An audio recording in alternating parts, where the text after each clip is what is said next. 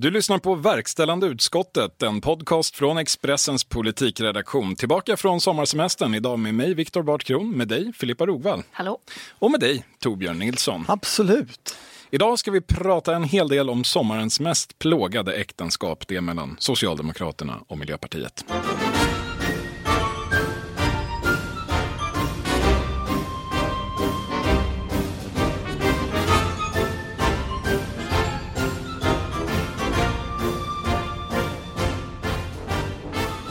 Ja, nu är vi här igen, nästan allihopa. Maggie Strömberg på semester ska vi säga, för er som saknar henne. Hon är tillbaka i nästa vecka. Men det är några veckor sedan vi såg sist, eller hur? Ja, men... känns som en mindre evighet sen Ja. faktiskt. Vi har ju för sig haft en bokklubb under sommaren som har blivit ganska uppmärksammad. Många har följt den, särskilt Vänsterpartiet, Filippa. Ja, jag såg att Jonas Sjöstedt nylanserat sin eh, deckartrilogi i ljudboksform, lägligt nog. Ja, vi diskuterade ju den första i den trilogin, Sammanflöden, och det fick uppenbarligen igång verksamheten där. Nu ska det smidas medan järnet är varmt. Vill poängtera att verkställande utskottet inte har något redaktionellt samarbete med Jonas Sjöstedt eller Vänsterpartiet. Men hörni, i, idag tänkte jag att vi skulle prata lite om kulturkriget. Och då menar jag inte det kulturkrig som ni kanske tror att jag menar, alltså att 50 Sverigedemokrater på Twitter har blivit arga för att någon skola på Södermalm har utsett en ponny till årets Lucia, eller så. Utan kulturkriget mellan Socialdemokraterna och Miljöpartiet. Aha. Vad, vad är, bråkar de om kultur? Ja, det, var, har, det, var, jag, det var en konstpaus där, det var bra att du... har jag missat Ja, du kan ha missat det, eh, fast ändå inte. Det började ju med att Jonas Gardell och halva Kultursverige krävde kulturminister Amanda Ja, Linds. Mm. avgång. Hon är alltså miljöpartist, om någon har missat det. Och det här med anledning av de här coronarestriktionerna om publik, alltså att man inte får ha någon publik som håller på att slå ihjäl hela underhållningsindustrin. Det här blev ju en ganska stor debatt, det har ni väl ändå sett? Det Ja, trängde jo. väl igenom semesterbruset. Jag har sett det, när Ja, du säger ja, det. Absolut. Men vad, vad har Jonas Gardell för partitillhörighet? Ja, det är väl lite oklart, men vi återkommer till det. Eh, Fler har väl försökt att claima honom. Det blev ett väldigt hallå i alla fall och i kölvattnet av det så passade de två tidigare socialdemokratiska kulturministrarna Marita Ulvskog och Leif Pagrotsky på att strö lite salt i kulturdepartementets sår. Kulturen var minsann för viktig för att överlåtas till ett småparti som Miljöpartiet. Det tyckte Marita Ulvskog på Twitter. Mycket finkänsligt. Men det där, alltså. Hur spelar det här in då i det större, liksom pågående bråket mellan miljöpartister och socialdemokrater? För jag tänker innan sommaren, alltså under Almedalsveckan och sådär, det som var Almedalsvecka fast det inte var någon, Inte ingen var i. Almedalen, precis. Då var ju verkligen det här den, den stora storyn. Alltså vi ju pratade ju om det här i tre poddar och hur ska det här samarbetet fungera och sådär. Ja, men du, du menar att det, det är det, enda storyn som, som fortfarande Nej, rullar? men det, det, det som har hänt är egentligen att det bara surnar mer och mer för varje vecka. Det, många dåliga relationer tenderar ju att bli värre under en lång ledighet och det känns som att det är ungefär det som har hänt. Alltså, för, för Okej, vad- när, det här det hade twitt- när det här hade twittrats då, då eh, av Marita Ulvskog och Leif Pagrotsky och så, det, det tog hus i helvete helt enkelt. Mm. Alltså 51 miljöpartister som sysslar med kulturpolitik, eh, det finns faktiskt så många fortfarande, skrev snabbt en debattartikel i Svenska Dagbladet om att Amanda Lind minsann var en motarbetad hjälte till kulturminister och att allt istället var Socialdemokraternas och polisminister Mikael Dambergs fel.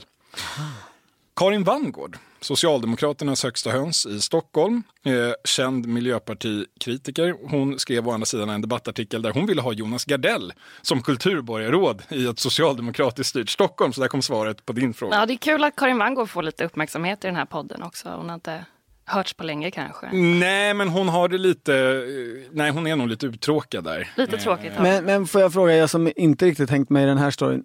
Har, har Jonas Gardell svarat på det här erbjudandet? Inte vad jag har sett. Nej, det... Han står nog över att debattera med lokalpolitiker. Ja, jag förstår. Ja. Okej. Eh, I alla fall, Karin Wanngård är ju då sedan flera år mycket förbannad på Miljöpartiet eftersom de nu regerar ihop med borgarna i Stockholm. Ja. Och, eh, Och det börjar gå ganska bra. Ja, det verkar gå ganska, de verkar trivas ihop. Det gör väl saken ännu värre, för det gjorde nämligen inte Socialdemokraterna och Miljöpartisterna i Stockholm. Så det är väl ytterligare en del där. Eh, men sen kom då en poddfavorit, Gustav Fridolin. Han har ju södlat om till kulturdebattör numera, i, i tidningen Arbetet framför allt. Tidigare så har han skrivit om sossemonster som släpper fram mörkrets krafter i Sverige. Men den här gången så var han lite mer lågmält rasande när han förklarade varför det inte hade gått bättre med en socialdemokratisk kulturminister. Det var många spänstiga formuleringar, jag fastnade väl för den här. Socialdemokraterna tycker om att mäta. Från Sveavägen 68 håller man koll på vad folket tycker så att man kan verka tycka likadant. Så förvandlas politiska frågor till retorik snarare än innehåll. Krishantering är inget undantag. Parentes. Det här är alltså inget jag tror. Jag har suttit i rummen. Jag har varit med i en omfattande och utdragen krishantering. Jag vet. Slutcitat. Ord och inga visor va? Nej men alltså han släpper verkligen alla hämningar nu. Det är lite spännande. Mm. Men kan det här också handla någonting om att eh, Socialdemokraterna anpassar sig medan Miljöpartiet då står för en, en annan typ av kultur? Det är lite mer rollspel och eh, live. Eh. Jag, jag, jag tänker kanske att det här det, det, här är bara ett proxykrig för den, den grundläggande bitterheten. Det är ganska fascinerande egentligen. Att man lyckas, alltså, det här är en rekommendation från Folkhälsomyndigheten som regeringen har klubbat igenom, det här med publikrestriktionerna. Eh, så vitt känt har inget parti uttryckt någon särskilt avvikande uppfattning. Ändå lyckas det här bli ett djupt infekterat bråk mellan de här två partierna. Det säger någonting om stämningen i övrigt, apropå Torbjörn. De vill bråka med varandra. Det är som att de, de, kan inte låta bli. De hittar ett skäl och det, ja. då sipprar det fram. Mm. Eh, sommarens migrationspolitiska bråk har vi redan avhandlat, men, men lägger vi ihop de här två sakerna, det och det här nya, mm. så, så har vi förmodligen den kanske jobbigaste två månaders perioden i den här konstellationens historia och det vill inte säga lite. Det börjar bli ett mönster. Man brukade kalla varandra för naturliga samarbetspartners eh, och det är väl rimligt om det man ska samarbeta om är varandras ömsesidiga förstörelse. Ja, just det. Typ. Ja, ja. Och jag undrar lite grann varför det är så här och jag tänkte vi kanske kommer återkomma till det.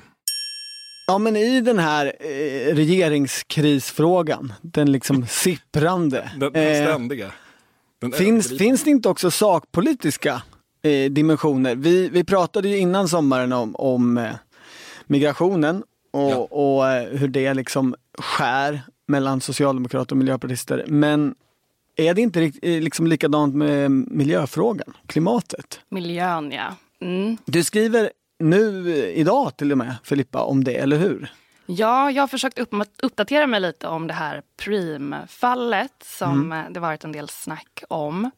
Eh, och eh, försökt förstå den här processen som pågår nu i och med att regeringen har, har tagit över eh, prövningen av eh, Preems. Och då pratar vi alltså om ett oljeraffinaderi i Lysekil? I Lysekil. Eh, och Preem ville redan 2016 bygga ut det här.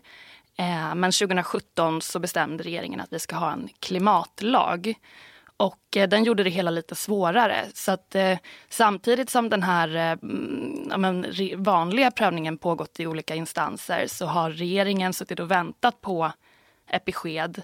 Och då kan de ta vid och själva börja undersöka huruvida det här är möjligt förenligt med klimatmål.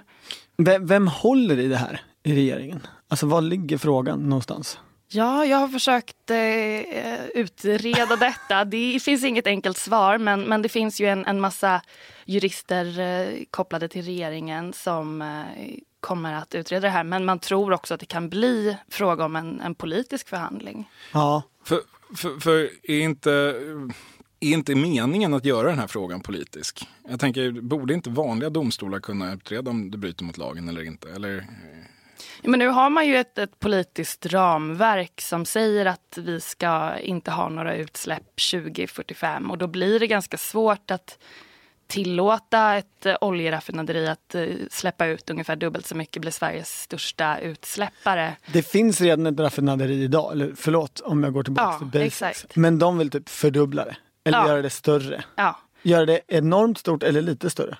Um, ja, alltså utsläppen kommer att öka med ungefär en miljon ton per år eh, koldioxid. Uh, och eh, det, det låter mycket, är det mycket? En, nästan en fördubbling. De okay. har, Prima har hela tiden sockrat sitt bud till regeringen när de förstod att det här skulle bli en regeringsfråga. Det här skulle bli mycket svårare än vad det först verkade vara att bygga ut.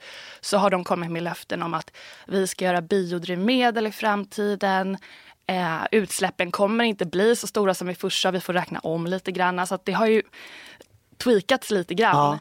Ja. Um, Men framförallt, jag har hört argumentet att om, um, om man inte bygger ut det här här i Sverige så kommer det byggas ut någon annanstans och så kommer det bli samma process men med mer utsläpp. Exakt. Och, och det är väl egentligen det är Miljöpartiet och det är Vänsterpartiet som är helt emot den här utbyggnaden. Medan det jag pratade med Socialdemokraternas eh, klimatpolitiska talesperson Hanna Westerén, också något av en, en doldis får man mm. säga, eh, så resonerar ju hon på ett liknande sätt som eh, den forna alliansen gör. att om vi gör det här i Sverige då har vi möjlighet att få biodrivmedel i framtiden. Det kommer vi behöva. Annars så släpper vi iväg det här till ett annat land där de inte har samma höga miljökrav till exempel. Men kan man, kan man, kan man dra slutsatsen då att om Miljöpartiet inte hade suttit i regeringen då kanske det här inte hade varit en så svår fråga för regeringskansliets jurister? Eller vad? Ungefär så, ja. Men vad säger miljöpartisterna om det argumentet då? Det här, vi gör det i Sverige, därför kan vi göra det på ett bra sätt. Eller det bästa av sättet. Alltså i miljöpartisternas önskevärld så hade ju inte vi varit beroende av fossila bränslen nu eller Nej. längre fram heller. Eh, men det är ju en svår ekvation. Men, men, men eh, det finns väl argument om att eh, man, man liksom måste skicka en tydlig signal. Om Sverige sätter ner foten här eh, då kommer andra länder följa efter och tekniken kommer ändå tuffa på liksom, utvecklingen där. Så att eh, vi sätter stopp för det här och sen så kommer det här med biodrivmedel och annat lösa sig självt eh, mer eller mindre. Mm. Medan andra argumenterar för att näringslivet behöver incitament för att snabba på utvecklingen. Men hur viktig är den här frågan för miljöpartisterna då? Jag tror att den är väldigt viktig. Det är liksom en symboliskt laddad fråga eh, och de har torskat på en, en rad områden och, och, det här blir ytterligare det är, ja, men migrationen som vi pratade om, det är Arlanda och sen mm. är det mm. Preem som är de här stora konfliktområdena just nu där man riskerar att... För på något vis så, så tänker jag att den liknar en del av de andra så symbolladdade platskonflikterna som har varit mellan de här två partierna ja, men senaste decennierna. Liksom, eh, Ojnareskogen, om, om ni minns den. Ja. Och liksom Bromma flygplats och trängselskatterna ännu längre tillbaka. Eh, där det liksom börjar som en så här liten pyttesak men så hänger det liksom med hela tiden och sen till slut med trängselskatterna så blev det ju liksom Ja, det var ju det var den avgörande punkten i, i liksom en regeringsförhandling med Göran Persson om den, om den regeringen skulle kunna tillträda eller inte eh, till slut. Och, och liksom kan det bli så med det här? Med detta, med ly, ett, ett oljeraffinaderi i Lysekil, ska det skälpa denna regering?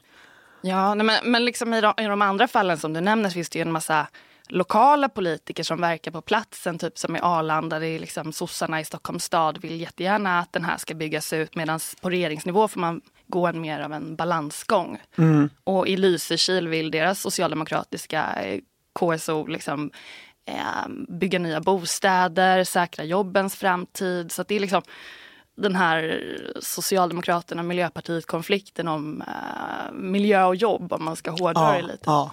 Men, eh, men tidplanen här, så man får ju lite grann känslan av att Miljöpartiet gärna ser att det här, liksom Arlanda-frågan, och kanske, de, de, det känns som att de kanske har bytt strategi lite grann. Förut så sökte de, i den här typen av frågor som, som du nämner Torbjörn, så sökte man ett snabbt avgörande, en, en tydlig seger, en pokal att hämta hem. Det fungerade ganska illa. Nu känns det som att man mer satsar på fördröjning. Eh, och man tänker hur länge orkar, vill ett bolag som Preem vänta på att göra den här utbyggnaden? Kan inte, inte Miljöpartiets hela strategi kanske att låta den här frågan fastna i något hörn på regeringskansliet till verkligheten springer ifrån projektet och så blir det inte av och så kan man fira om fem år istället. Mm. Vad tror du om det? Mm. Är, det Nej, men... är, är, är, det en helt galen tanke? Byrålådorna börjar bli tunga där på regeringskansliet. ja. Det, mm, men, men det, det, det, är väl ganska Alltså ur Miljöpartiets perspektiv så, så låter det som en ganska klok strategi, tänker jag. Ja, Pragmatisk obstruktion. Det är sossigt, Ja, Egentligen. De, de lär sig. eh, på något vis. Ja, men om Miljöpartiet håller på att socifieras, då, då, då väcker ju det frågan igen. Varför är det då så himla, himla svårt för de här partierna att trivas tillsammans? För det är det ju. Torbjörn, Mm. du eh, har funderat på den här saken tror jag. Eh. Liksom alla andra i svensk politik. Ja, men den är ju lite svårbegriplig. Jag vet inte. Det är ju ett så långt samarbete där. Alltså, Det börjar bli det nu ja. det här samarbetet har ju pågått i olika former sedan liksom 98 i princip. Alltså så någonstans så liksom härrör det ju från ett uselt valresultat med Göran Persson efter liksom 90-tals nedskärningarna. Då Persson åtminstone, kanske inte resten av Socialdemokraterna, eh, insåg att så här, vi kommer behöva ha med oss det här partiet på något sätt.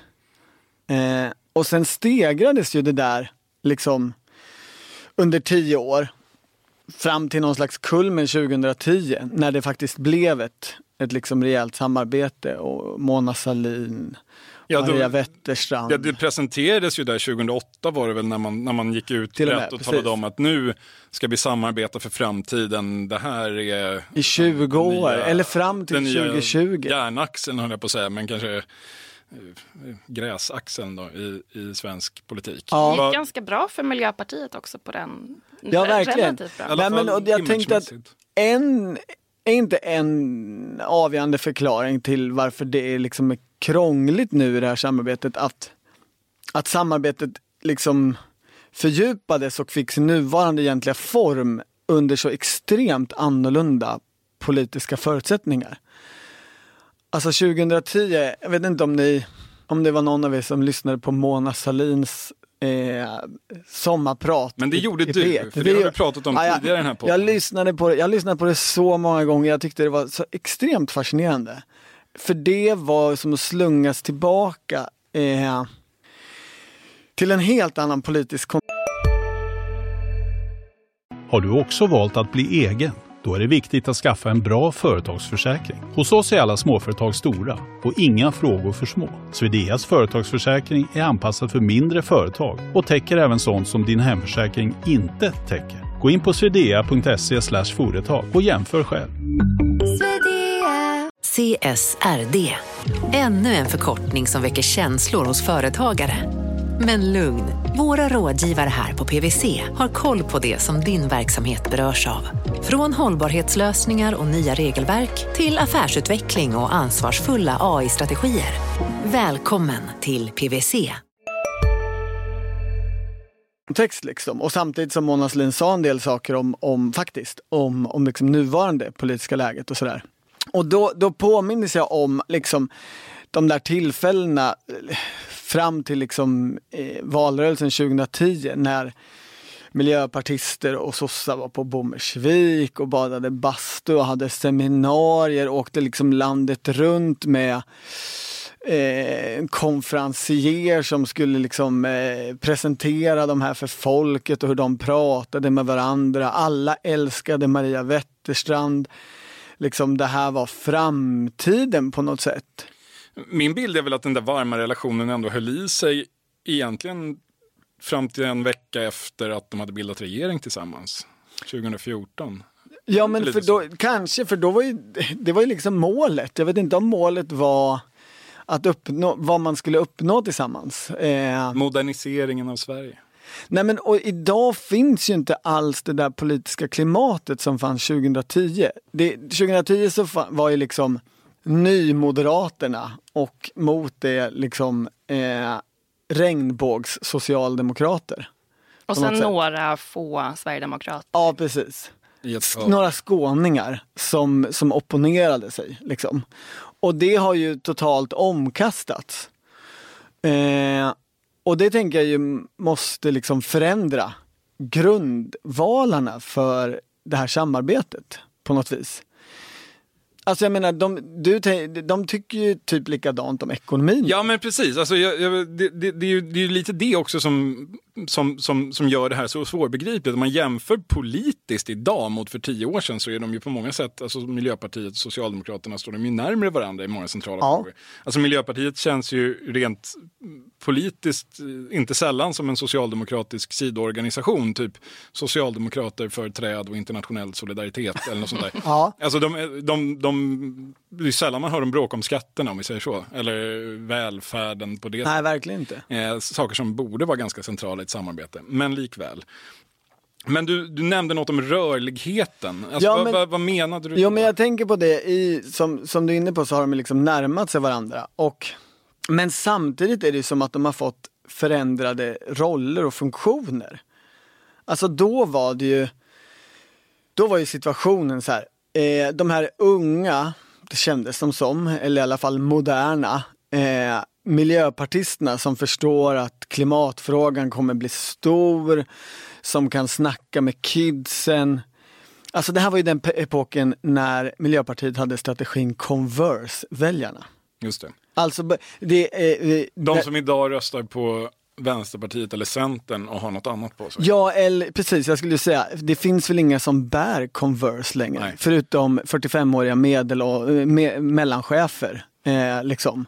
eh, De, de, de få som fortfarande röstar på Miljöpartiet. ja, men det, var- det var ju i alla fall liksom eh, eh, ordet för den här vä- väljargruppen av urbana, lagom liberala, lagom progressiva liksom väljare. Och de stod ju på något vis då, eller uppfattades som framtiden, det är de som kommer få rätt i politiska frågor. Så tanken var ju på något sätt att liksom Miljöpartiet skulle skjuta in liv i den här gamla stora socialdemokratiska kolossen som Mona Sahlin försökte få liksom fart på och liv i men inte riktigt lyckades av egen maskin för att det var så krångligt och så många som facket och massa bakåtsträvare och trötta gamla gubbar och så här. Men med det här samarbetet så bara nu, nu kommer vi eh, liksom ha en framtidsvision och, och sådär.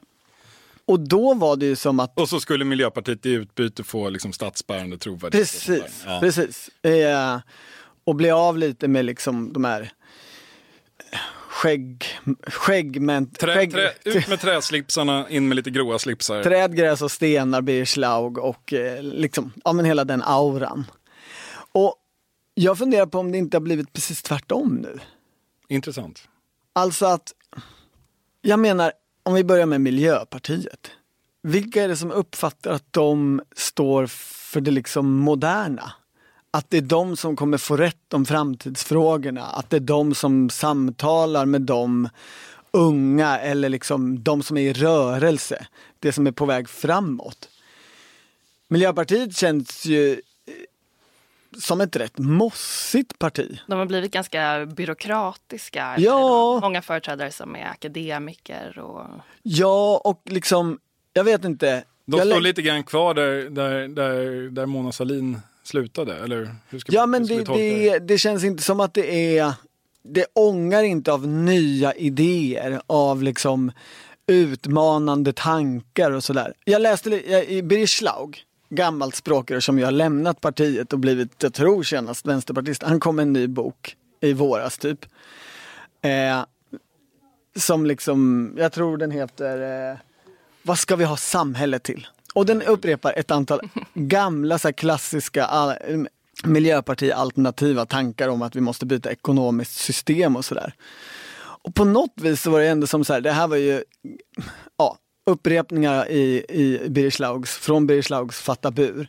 Men det kändes ändå som att det här var mer samtid än, än vad liksom något av de nuvarande språkrören kunde upp, upp, komma fram till. Liksom. Det där är intressant, men, men, men eh, om rollerna är ombytta, betyder det att socialdemokratin plötsligt är, är stadd i rörelse då enligt dig? Ja, det är, här är väl möjligtvis det här teorin faller. Eh, nej, fast samtidigt, ja. Eller? Det är, svårt, det är väl svårt att hävda att, att socialdemokratin de har ju som helhet liksom eh, upplevs som morgondagens frågor och, och fångat dem och sådär. Men om man tänker sig att det som då drev saker och ting framåt för, för tio år sedan var någon slags liksom globaliseringsvurm, någon liksom mänskliga rättigheters vurm, någon eh, den typen av grej. Så, så är ju det som driver politiken framåt idag en nationalstatsvurm, eh, en liksom småkonservativ eh, vurm. Och de frågorna har ju delar av socialdemokratin verkligen omfamnat och liksom försöker ta med och springa, i, springa med. Och rör sig liksom i, ändå mot någon så här framkant där det politiska samtalet är. Vilket gör att de det är ju stora bråk i Socialdemokraterna om det här. Migrationen och hur mycket ska man liksom hissa svenska flaggan och krama Sverige och, och sådana där saker. Men då är de ju ändå, det leder i alla fall till att de blir en del av debatten. Miljöpartiet är ju bara borta i debatten. Men är det uteslutet att tänka sig att Miljöpartiet kan, kan alltså hitta framtiden genom Birger Schlaug? Om du förstår vad jag menar. Alltså Miljöpartiet, det är lätt att tänka att de blir helt offside i det nya politiska klimatet, men de bildades ju faktiskt som någon form av motståndshandling mot hela moderniteten. Alltså det, det Ja. borde finnas eh, någon koppling man kan dra eh, för att ändå passa in bättre i en ny ny reaktionär tidsepok, eller hur man nu ska uttrycka det. Kan, kan, kan de byta roller igen? Kort. Ja det, ja, det kan de väl, men då, må, då kan ju inte det här samarbetet, alltså jag tänker att det här samarbetet liksom kortsluter eh, det mesta utav liksom rörelse. Socialdemokraterna har fattat att något annat händer, så de har sprungit åt det hållet och miljöpartisterna står där och är bara, eh, vi vet ingenting, eh, vi, vi, vi, vad, ska vi göra nu? Så, så upplever jag dem. Ja, men då landar vi där att det är alltså kört i nuvarande form. Man får hoppas att Preemraff eh, löser problemet åt dem. Ja, varje sammanträde i det verkställande utskottet innehåller ju punkten övriga frågor. Vad har vi denna vecka? Vi har pratat väldigt mycket om socialdemokrater och miljöpartister nu. Så jag undrar bara, vad har hänt, eller har det hänt något i Instagram-blocket? Är det så de kallas nu? Alltså det här, eh, det som motståndarna kallar blåbruna. Eller, Fast minus det bruna då. ja, just det. För Ja, men där, De är inte så... Det så kallade konservativa blocket. Det, Du, du undrar helt enkelt vad Ulf Kristersson och Ebba Busch Thor har gjort på... Ebba Busch, förlåt. Ja. På Instagram. ja, för det är väl Ja. där saker händer, i det där konservativa blocket. Absolut. Och eh, jag kan väl nämna att eh, Ulf Kristerssons eh, knä har blivit bättre. Han visade upp detta med en liten volt på bryggan hemma. Och eh, även tagit simborgarmärke tillsammans med Ebba Busch. Ja, det, det där såg jag också. Det var en... ehm, de var ute och simmade i Mälaren och, och eh, det var någon slags mycket långsökt referens till badtunnan kanske. Förebilder, tycker jag. att Men båda var. de här tillfällena är på en brygga. Ja. Alltså och- han voltade ja. i vattnet. Det är mycket visa upp sig i badkläder känns det som. Och sen har Ebba förstås också tagit eh, jägarexamen. Det såg jag faktiskt. Det har, det, det, de bilderna har även eh, passerat mina ögon. Ja, nej, men de, de når ut via Instagram. Hon hade bland de. annat- Men, men, men, men vad har vi lärt oss politiskt? Hon hade. Jägarförbundets särskilda eh, hatt utformad, eller keps utformad för kvinnor. Det finns en sån ljus li- i rosa eh, liksom Hon har inga problem med att ta på sig den, särskilt Jag har en likadan. för kvinnor. Ja, jag har den som målarkeps. Men, va, men jag vill ändå... Det, det, det här med Ulf Kristersson och hans fysiska aktivitet på Instagram, det finns något intressant i det. Alltså det, det, det funkar det här? Är det som Jag förstår- Ygemans brödbak? Ja, men det, det finns ju någon form av positionering som en eh, hurtig, sportig, aktiv eh, politiker här. Som, som, den, den, är åtmin, den, den är genomtänkt av någon. Eh, frågan är hur genomtänkt. Funkar den tror ni? Är, är, är, det, vad, är det vad väljarna efterfrågar? Och gud vad... Nej men uppenbarligen gör det ju det, eller Instagram verkar ju funka. Men jag tänker att det känns som att, att, att det, det här blir så liksom utvecklas som en liten liksom, skärmytsling i det där samarbetet. Jag menar, Moderaterna och Kristdemokraterna har ju vandrat sida vid sida eh, och har burit varandras förtroende, eller på att säga, sen liksom januariavtalskriserna. Men är det inte snart så att liksom Ulf och Ebba börjar konkurrera om vem som kan vara roligast på Instagram? Och snyggast. Har inte, och snyggast. Har liksom Instagram blivit för viktigt för deras samarbete? Kommer det liksom slå in en kil som särar dem? Jag tror ändå Ulf ligger i lä där va? Det är så, ja, ja, det gör han ju. Men jag menar, är hans utgång, är han körd redan från början tänker du? Är han missunnsam? Nej, det tror jag inte. Eh, men men eh, han, är, han, är inte till, han kan inte matcha Ebba på Instagram, det är det du säger. Men jag tror att han unnar henne det. Det är liksom Okej. bra för deras Så samarbete. länge, så länge KD ligger på 5 så är det... Ja, men jag kanske har fel. Jag har fel om det här. Ja, men vi har inte bara varit eh, på Instagram allihop. Vi har även varit på fältet, i alla fall några av oss. Torbjörn, du har varit och ehm, besökt något som kallar sig för Omstartskommissionen. Ja, visst. Det är ju det här eh, omstartskommissionen, man, det- den lanserades till Claes Eklund. S- Och sen tio välkända eh, policy makers, professorer. Och. Någonstans i den stora mainstream-mittfåran. I Ja, alla fall så som den såg ut Ja, men för tio år först, sedan. först kom det, det- det, det här lanserades väl på DN Debatt i våras och det, då var ingen som förstod vem vill ha den här omstartskommissionen, var kommer det ifrån? Men det är i alla fall Handelskammaren eh, som, som har drivit där. Och tanken är ju att det liksom ska fram revolutionerande idéer som lösning på eh, coronakrisen eller liksom Men jag har igång- förstått att de hade som strategi att ingen får säga nej till något förslag. Det är liksom ingen kompromiss. Nej, nej, det är ingen kompromiss och det är ingen, även om de har liksom försökt sälja in det som en stor statlig utredning lite grann så eh, har det inte alls den karaktären. Men mest tänker jag att det skapade funderingen av så här, Vad vill de då? De vill så många olika saker. Så det får vi ta i ett, ett eget avsnitt höll jag på att säga. Men har det i det här landet, funderade jag när jag satt där i, i, i Handelskammarens lokaler, kommit några riktiga nya idéer ur liksom corona? Eller är det inte bara att alla drar sina gamla käpphästar och säger nu är det ju ännu mer allvarligt i samhället så därför måste vi höja eller sänka a-kassan beroende på.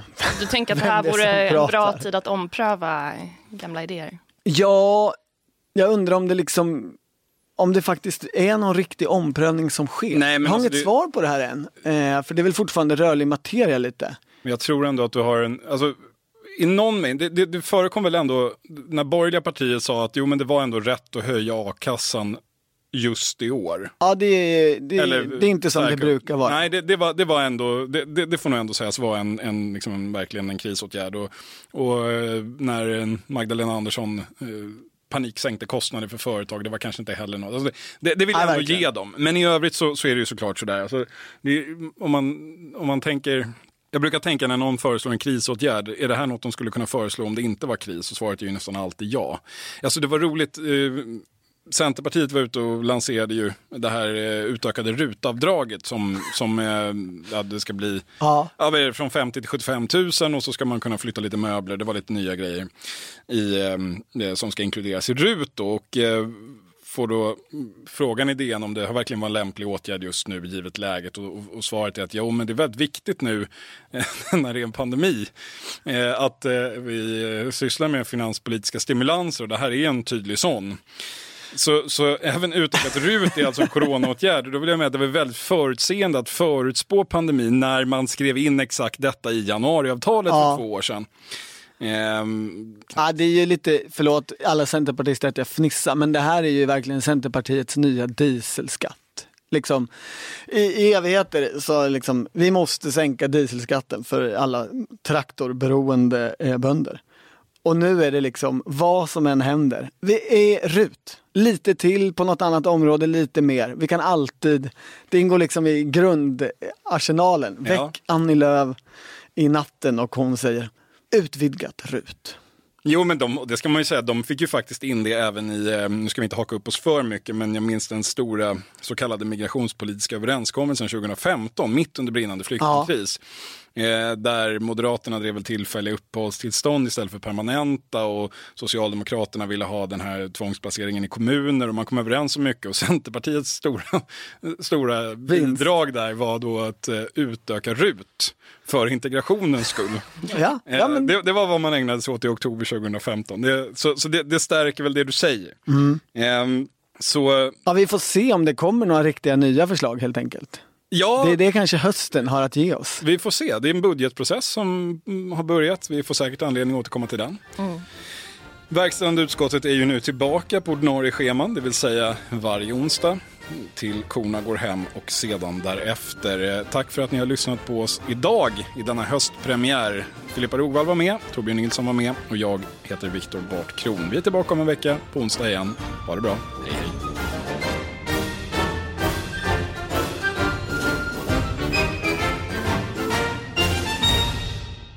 Du har lyssnat på en podcast från Expressen. Ansvarig utgivare är Klas Granström.